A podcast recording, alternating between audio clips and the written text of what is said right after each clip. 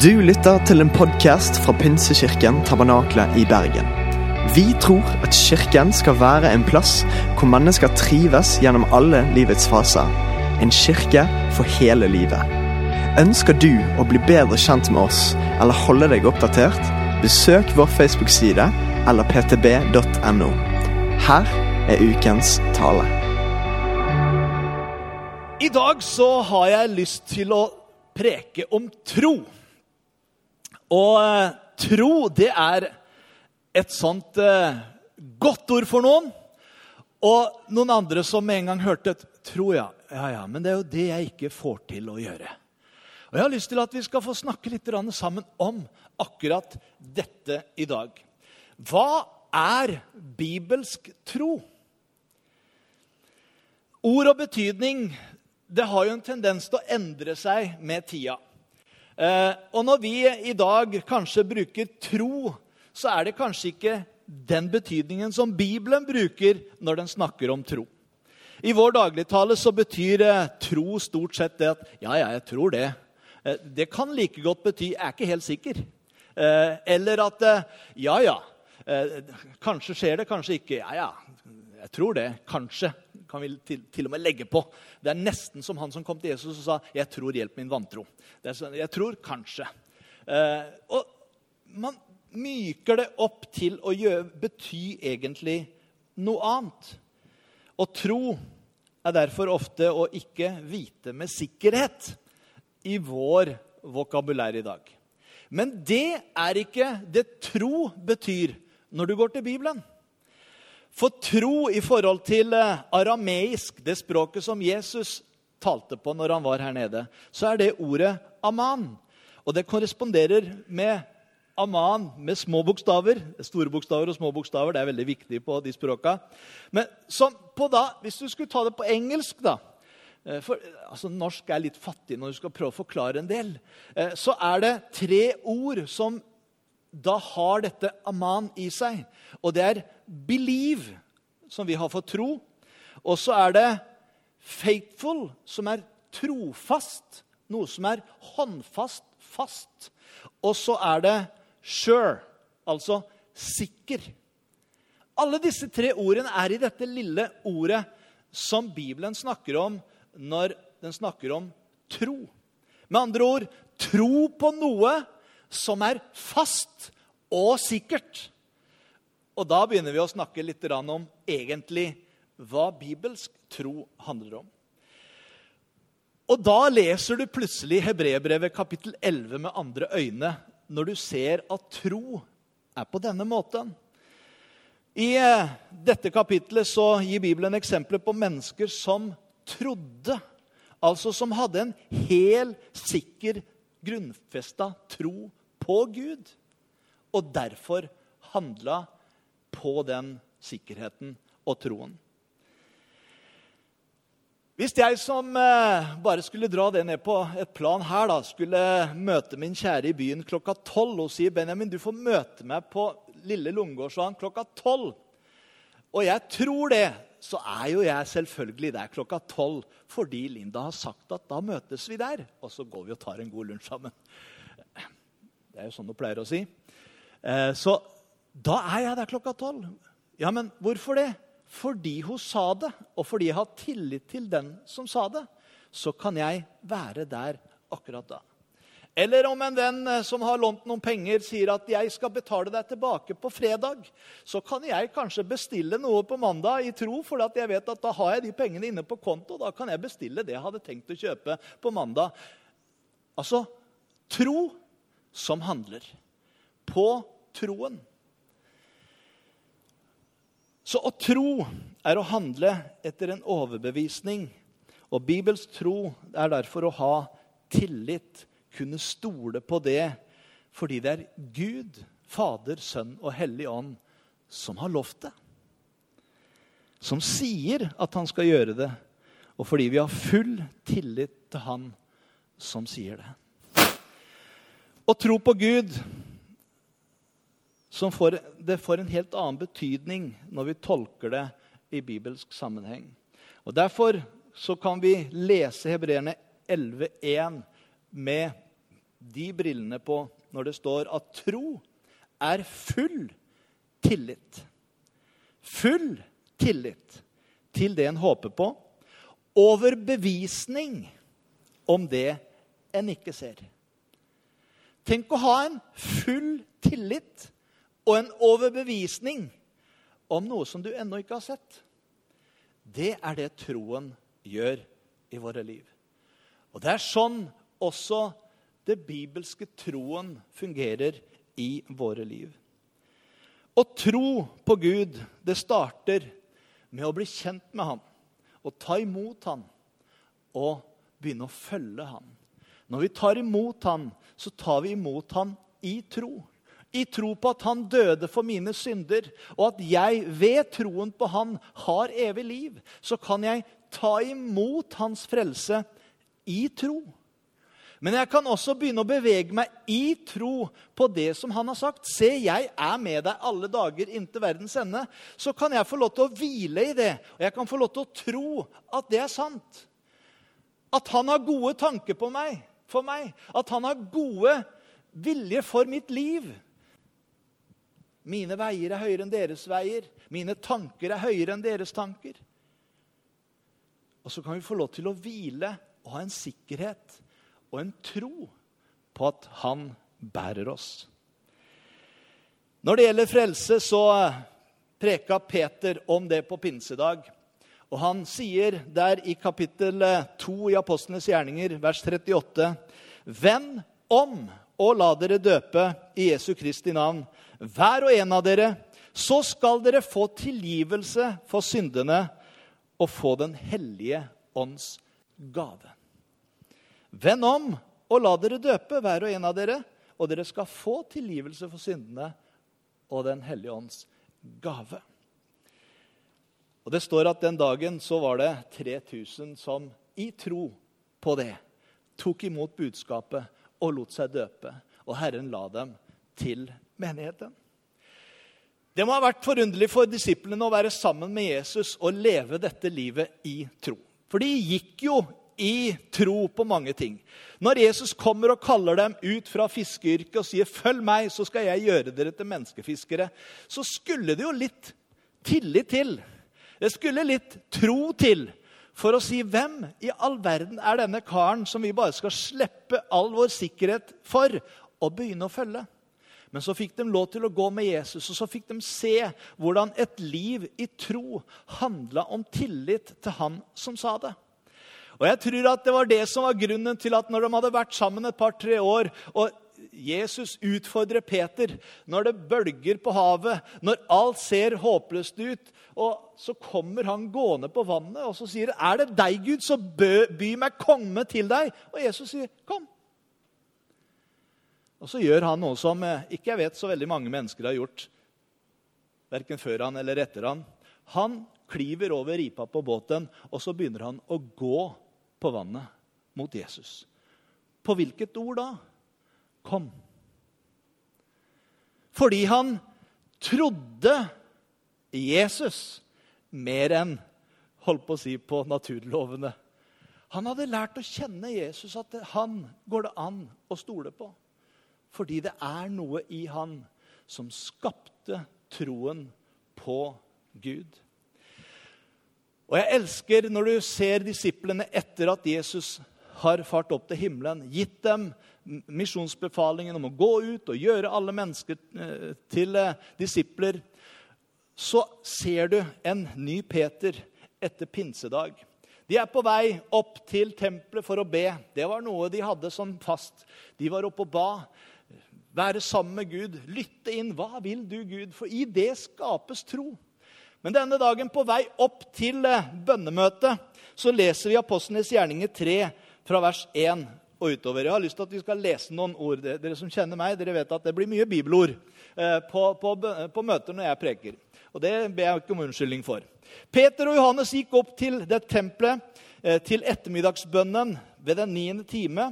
Da kom noen bærende på en mann som hadde vært lam helt fra mors liv. Hver dag satte de ham ved tempelporten, som kalles Fagerporten, så han kunne tigge om gaver fra dem som gikk på tempelplassen. Da han så Peter og Johannes, som var på vei inn, ba ham om en gave. De så fast på ham, og Peter sa, 'Se på oss.' Han gjorde det og håpet at de ville gi ham noe. Men Peter sa, 'Sølv eller gull har jeg ikke, men det jeg har, vil jeg gi deg.' I Jesu Kristi Nasarerens navn, reis deg og gå. Straks fikk han og han grep han i høyre hånd og reiste han opp. Straks fikk han styrke i føttene og anklene. Han sprang opp, sto på føttene, begynte å gå, og han fulgte dem inn på tempelplassen, hvor han snart gikk, snart sprang, mens han sang og priste Gud. Jeg har sagt det, at det skulle jeg gjerne ha på film. Eh, sånn på ordentlig, altså. Det som skjedde akkurat der. Du ser en mann som blir båret. Det står seinere at han eh, hadde vært eh, syk i 40 år. Han var over 40 år, fordi han ble jo etterpå inn til liksom avhør og greier. Og, og foreldra ble spurt ja, men han, har, han, har han virkelig vært lam så lenge. Spør han sjøl, sier han. Han er gammel nok til å svare for seg. Han er over 40 år. Så der fikk du den alderen. Så det, vi sier at fra barnsben i 40 år kan du tenke deg å bli båret fram og tilbake til tempelplassen for å ha noe å leve av. Det var ikke noe Nav og noe sånne ting på den tida som tok den biten der. Og Så kommer Peter og Johannes. Jeg er sikker på at de må ha sett han der før. Men denne dagen var det akkurat som Den hellige ånd kommer, og så sier han Når denne mannen ber om almisse, så er det akkurat som Den hellige ånd sier i dag er dagen. I dag er dagen. Gå bort til han, og så skal jeg vise deg hva du skal si. Og Så går de bort, og så skjer dette at denne mannen, som har vært lam i over 40 år, og egentlig bare ønsker å få noen mynter som han kan leve av for den dagen, opplever et mirakel som gjorde, var mye mer verdt enn de myntene. Hvordan Guds kraft kommer. Og i tro så handler Peter på dette. Og Det er det det handler om her. Først så tror han Den hellige ånd som sier 'jeg vil gjøre det'. Og så ser du at han aktivt etterpå ikke bare sier 'reis deg opp og gå, skal vi se om det funker'. Nei, han går ned til han, tar han i hånda og løfter han opp, står det. Og jeg tror det er en kobling i det øyeblikket av tro, hvor han lyder Gud i tro. Gjør en praktisk handling i tro, og så kommer Guds kraft. For Peter hadde ikke den kraften i seg sjøl, men Guds kraft var der til å helbrede i det han tok et steg i tro. Og så skjer underet, og denne mannen, han kjenner at kraften kommer i bena. Han greier å stå opp på bena. Og så ser du det tar ikke lang tid før han både står, går, springer, løper. Og etter hvert så regner jeg med at de måtte jage han litt ut av tempelet, for der skulle man jo be å være litt rolig. Så eh, etterpå så ble det friluftsmøte ute som resultat av det. Og vet du hva resultatet av det friluftsmøtet ble? Det var 5000 mennesker som tok imot Jesus pga. et under. Det er det troen gjør. Vi ber ofte til Gud om hjelp. Så har jeg tatt meg i det av og til at vi ber ofte Gud om hjelp til det som vi regner med skal være mulig. Det må vel kanskje la seg gjøre. Men så er det sånn med Gud at Gud han ønsker å gi oss det umulige. Det ikke vi kan få til, det det ikke er sjans at vi kan få gjort noe med, det elsker Gud å gjøre. Fysisk sett, logisk sett, så var det ingen sjanse for at denne mannen skulle kunne stå og gå, for han var lam. Men Gud elsker å gjøre det umulige mulig. Og Vi leser i Guds løfter, og kanskje tror vi dem, men i, av og til så undervurderer vi ofte hvordan dette skal kunne skje i vårt daglige liv. Og dette fordi Ofte så er det sånn at våre sinn de er fulle av å skulle forstå hvordan Gud skal gjøre det. Glem det. Han er Gud. Han er skaperen. Han sa, og det skjedde. Han bød, og det sto der. Det er noe ikke vi kan gjøre på den måten, men han gjør det fordi han er vår skaper, vår Gud. Og så gjør han det fordi han er full av kjærlighet til oss. Peter sier etter denne helbredelsen til den lamme mannen, når de blir stilt eh, forhør, så sier de ved tro på Jesu navn har dette skjedd. For det navnet har gitt styrke til denne mannen, som dere både ser og kjenner. Den tro vi får gjennom dette navnet, har gitt mannen full følelighet igjen, slik dere kan se. Den tro vi får, ikke en tro du tar deg til, ikke en tro du skal streve for, men den tro som har full tillit til det en håper på, over bevisning om noe jeg ikke kan se.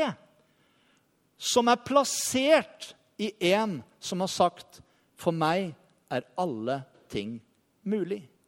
Ingenting er umulig for Gud. Det er der denne troen må få plasseres, og vi kan hvile i det. Disiplene de hadde vært sammen med Jesus, og de hadde jo lært av Jesus. Og dette underet var bare ett av mange under som de hadde fått lov til å være med i.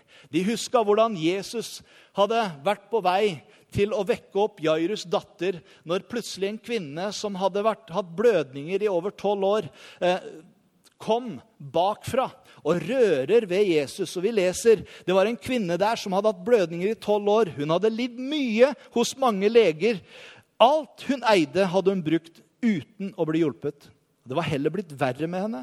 Hun hadde fått høre om Jesus og kom nå bakfra i folkemengden og rørte ved kroppen hans. For hun tenkte om jeg bare kan få røre ved klærne hans, blir jeg frisk. Ser du koblinga i tro?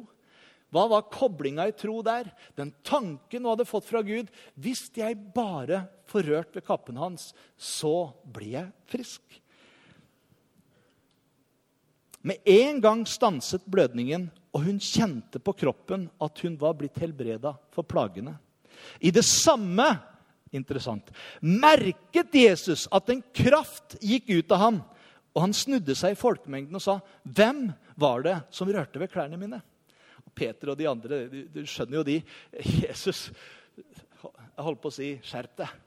Alle klenger jo på deg på alle kanter. Åssen kan du si? Hvem tok på meg? Nei, det var én som tok på meg.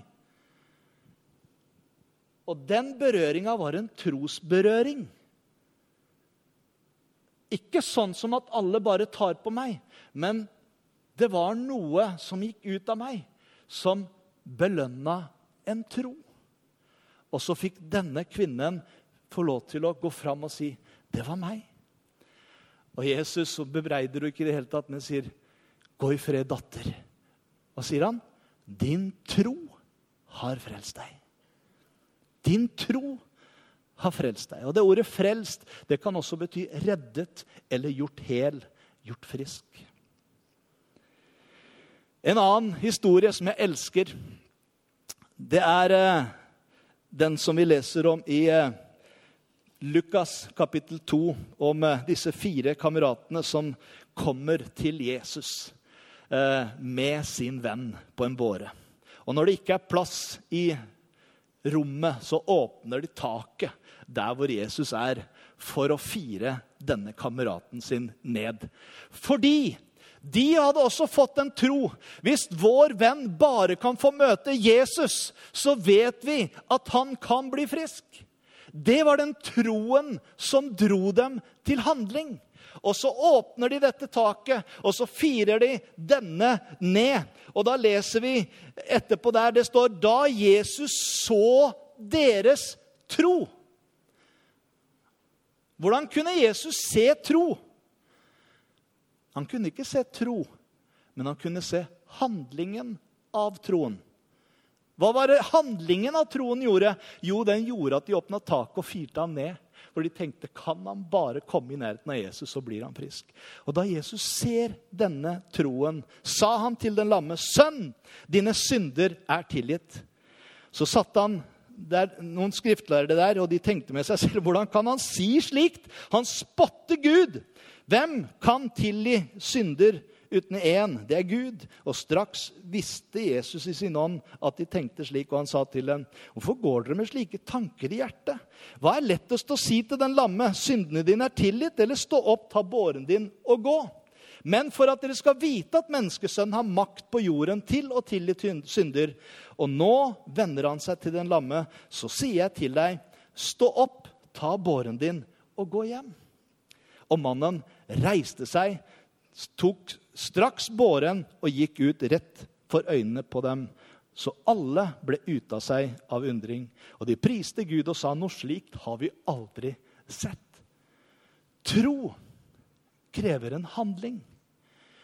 Og av og til så er det det som kanskje er det steget som vi av og til må ta. Når troen fyller oss, så kan vi ta et trossteg nærmere Han som har mulighet til å gjøre noe med det. Guds ord sier at uten tro så er det ikke mulig å behage Gud. Uten tro er det dødt. Kanskje noen vil si, står det i Jakob 2, du har tro, jeg har gjerninger. Vis meg din tro uten gjerninger, så skal jeg ut fra mine gjerninger vise deg min tro. Du tror at Gud er én. Det gjør du rett i. Også de onde ånder tror det og skjelver. Du tankeløse menneske, vil du ikke innse at tro uten gjerninger er til ingen nytte? Troen må følges av en handling i tro, og så ønsker Gud å belønne oss for det. Her kunne jeg sagt veldig mye. Men altså, Gud har gitt oss så mange verktøy som vi kan få lov til å betjene hverandre med. Han har også gitt oss som kristne sine gaver som vi kan få lov til å sette i funksjon. I tro og ved tro så ønsker han at vi skal få lov til å være en kirke som får lov til å betjene hverandre i Guds kraft. Ikke i egen kraft, men han har gjort all kraften tilgjengelig. Når det gjelder åndens gave, søsken, så vil jeg at dere skal være, ikke skal være uten kunnskap om dem. Det er forskjellige nådegaver, men ånden er den samme. Det er forskjellige tjenester, men Herren er den samme. Det er forskjellige kraftige virkninger, men Gud er den samme, han som er virksom og gjør alt dette. Hvem er det som gjør det? Jo, det er han. Hos hver enkelt gir Ånden seg til kjenne slik det tjener til det gode. Er du en del av hver enkelt her i dag? Hvis jeg sier hvor mange er til stede her i dag, kan du rekke opp din hånd? Ja, det var noen som var til stede. Jeg spør deg som ikke rakte opp hånda, hvor du var hen etterpå. Men enhver, det er alle. Og så er det ikke sånn at Gud gir til noen fordi de er så flinke og dyktige. Nei, han gir enhver etter det som er ganglig. Og hva betyr det? For Det tok litt tid før jeg skjønte hva det var for noe. Jo, det betyr egentlig så enkelt som så at når det er dette behovet som er der, så er det denne gaven som trengs. Og hvis du er i den situasjonen hvor den gaven trengs, så vil Den hellige ånd, hvis du er eneste sted, person på det stedet, fylle deg med de gavene du trenger for den anledningen. Så enkelt tenker jeg nådegavene er. Vi får lov til å være bærere av Guds ånd. Og når vi er bærere av Guds ånd, og Guds ånd bor i oss, så er det sånn at gavene som han eier, som ikke er våre, det er åndens gaver. Men når ånden bor der inne, så kan han bruke deg til å gjøre det han ønsker å gjøre gjennom ditt liv.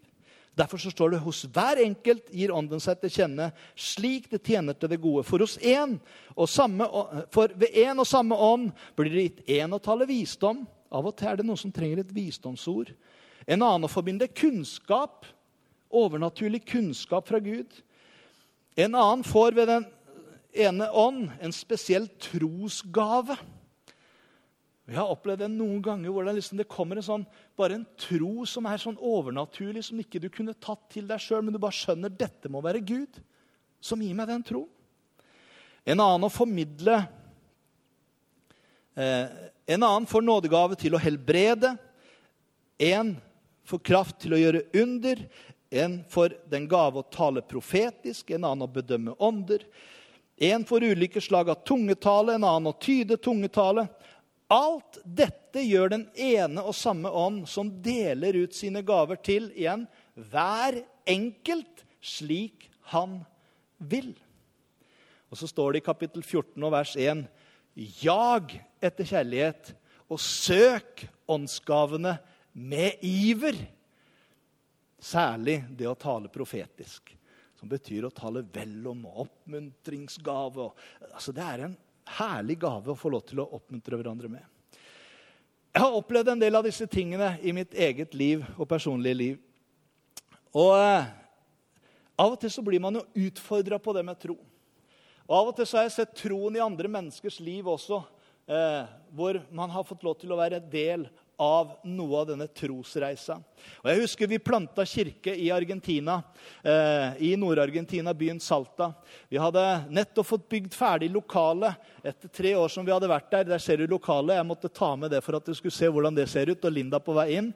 Eh, og En dag vi var der på bønnemøte, eh, på en onsdag, så kom det ei dame inn. Veldig syk, veldig elendig. Eh, hun hadde vært oppe hos presten, eh, den katolske kirka 200 meter lenger opp. Hun var eh, medlem der og hadde sagt til presten at nå ønsker jeg å ta mitt liv, for jeg orker ikke å leve lenger. Hun var full av kreft. Og denne kreften den var også i hodet, så hun orka ikke å dusje. Og hadde ikke dusja på et helt år fordi bare strålene av vann i hodet var så smertefullt for henne. Hun orka ikke lenger og sa 'Du må gjøre et eller annet nå', sa hun. 'Ellers så orker jeg ikke å leve lenger'. Og stakkars presten der oppe han visste ikke helt hva han skulle gjøre. Så eh, eh, dette var en ganske karismatisk prest også. Vi hadde treffs ved et par anledninger. Eh, så han sier til henne, 'Gloria, vær så snill og ikke gjør noe dumt', sa han. 'Men jeg skal si deg hva du skal gjøre', sa han. Og så sier han, 'Der nede', sa han, 'har pinsevennene starta en kirke'. Betania heter den. Gå ned dit, sa hun. For jeg vet at de ber for syke mennesker.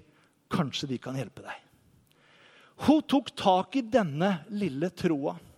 Og så kommer hun inn på dette møtet. Jeg husker det så godt. Linda og kona til eh, en annen, Du kan vente med det bildet der litt. Eh, og kona til eh, den andre pastoren tok hun med inn på et kontor og fikk lov til å be til Gud for henne. Og opplevde momentant helbredelse. På en måte at hun dro hjem etterpå og stilte seg i dusjen og hadde sin beste dusj på et helt år, sa hun. Hun stelte i stand mat til mannen sin og familien som skulle komme hjem fra jobb. Og de ble sjokka, for det hadde hun ikke heller gjort. På mange måneder hadde hun ikke kunnet gjøre det. Hun hadde fresha seg opp og pynta i huset, og de skjønte ingenting. Og spør Gloria hva har skjedd. Og så forteller hun hva som har skjedd. Hvordan hun var fast bestemt når hun sto opp den dagen hun skulle ta sitt liv. Og hvordan hun holdt fast på denne lille troa at Gud kan gjøre noe i mitt liv. Og Så kommer hun ned til oss, og så får vi lov til å være en brikke i den koblingen av tro som hun hadde. Og så fikk vi tro sammen med henne på at Gud er stor og er mektig til å gjøre langt utover det vi i det hele tatt skjønner går an. Gloria lever den dag i dag. Hun er eh, bestyrer på et eh, hjem som gir mat til hundrevis av barn i byen Salta. Starta hos oss og gikk til en større sted etterpå.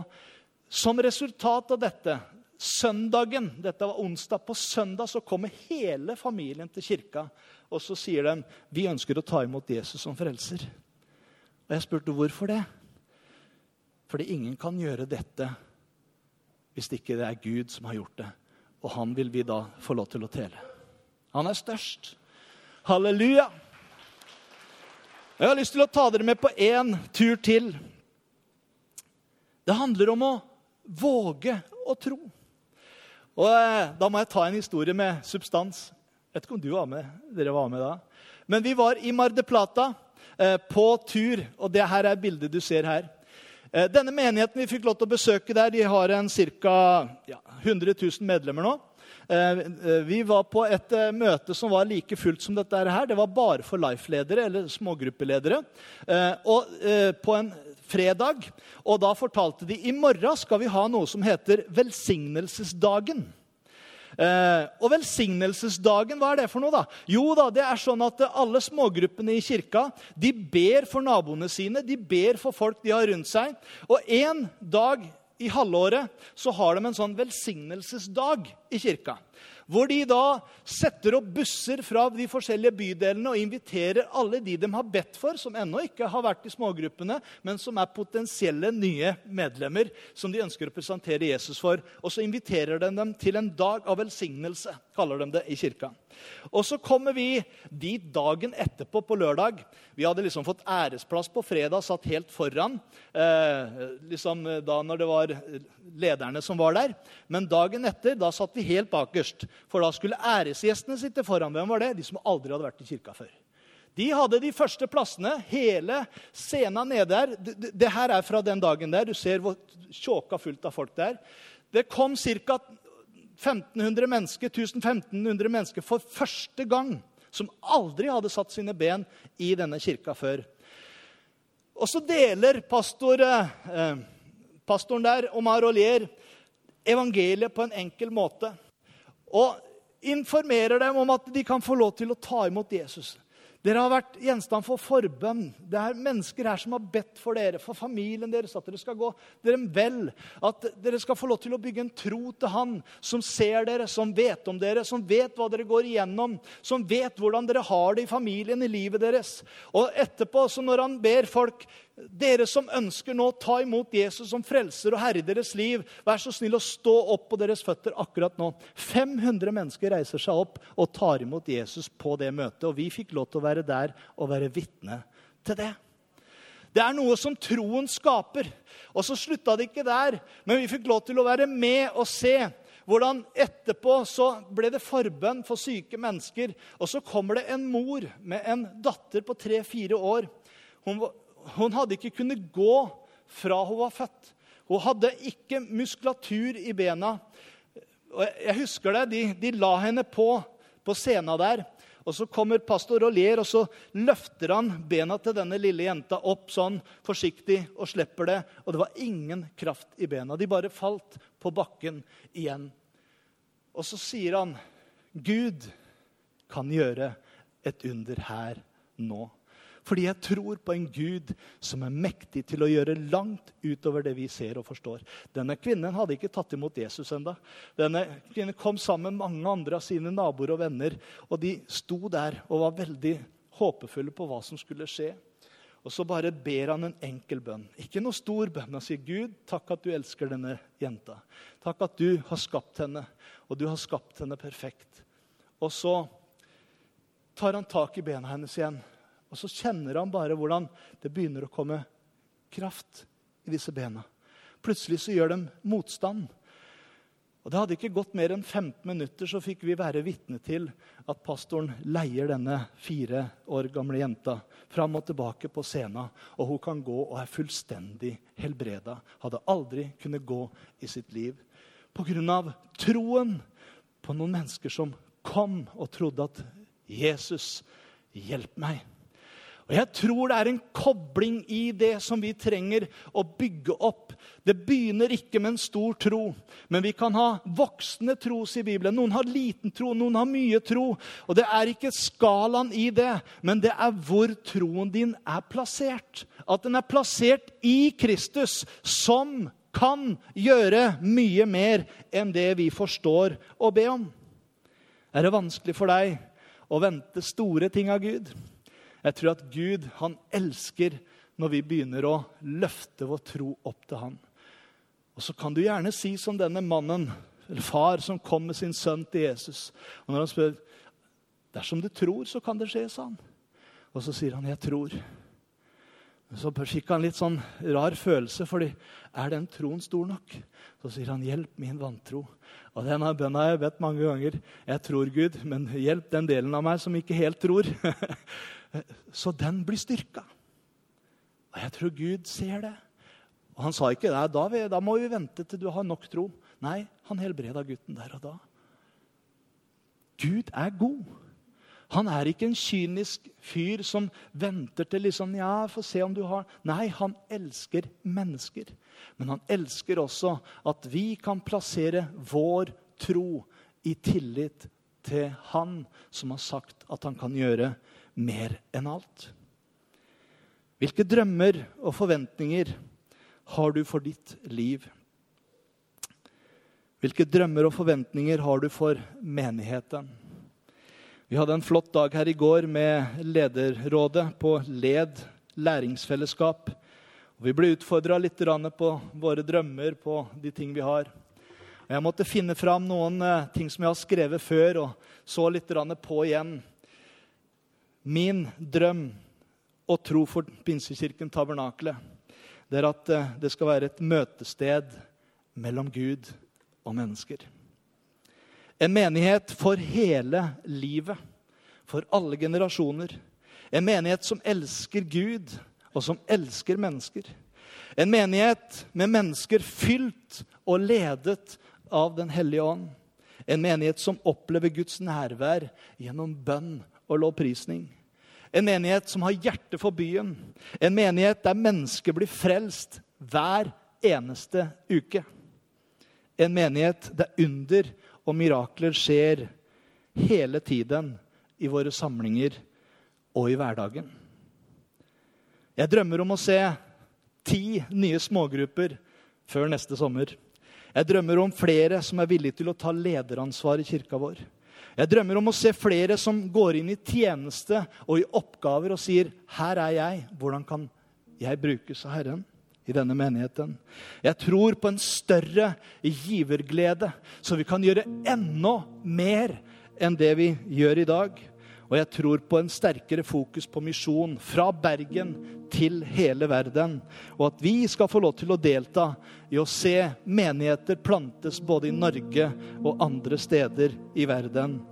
Gud vil bruke ditt og mitt liv på en slik frisk måte men valget er vårt. Å tro, det er å våge å følge Han og gjøre det Han sier. Og Gud, han kan gjøre uendelig mye mer enn det vi ber om og forstår. Jeg avslutter med noen vers fra Efeserne 3 og fra vers 14. Derfor bøyer jeg mine knær for far, sier Paulus han som har gitt navn til alt som kalles far i himmel og på jord. Må Han som er så rik på herlighet, gi deres indre menneske kraft og styrke ved sin ånd. Og må Kristus bo ved troen, i, ved, ved troen bo i deres hjerter, og dere står rotfestet og grunnfestet i kjærlighet. Må dere sammen med alle de hellige bli i stand til å fatte bredden, lengden, høyden og dybden, og kjenne Kristi kjærlighet som overgår all kunnskap. Og må dere bli fylt av hele Guds fylde. Han som virker hvor da? I oss med sin kraft. Og kan gjøre uendelig mye mer. Skal du si det sammen med meg? Vil at du skal huske det. Han kan gjøre uendelig mye mer. Enn hva da? Enn det vi ber om og forstår. Han være ære i kirken, i Kristus Jesus, gjennom alle slekter og evigheter. Amen.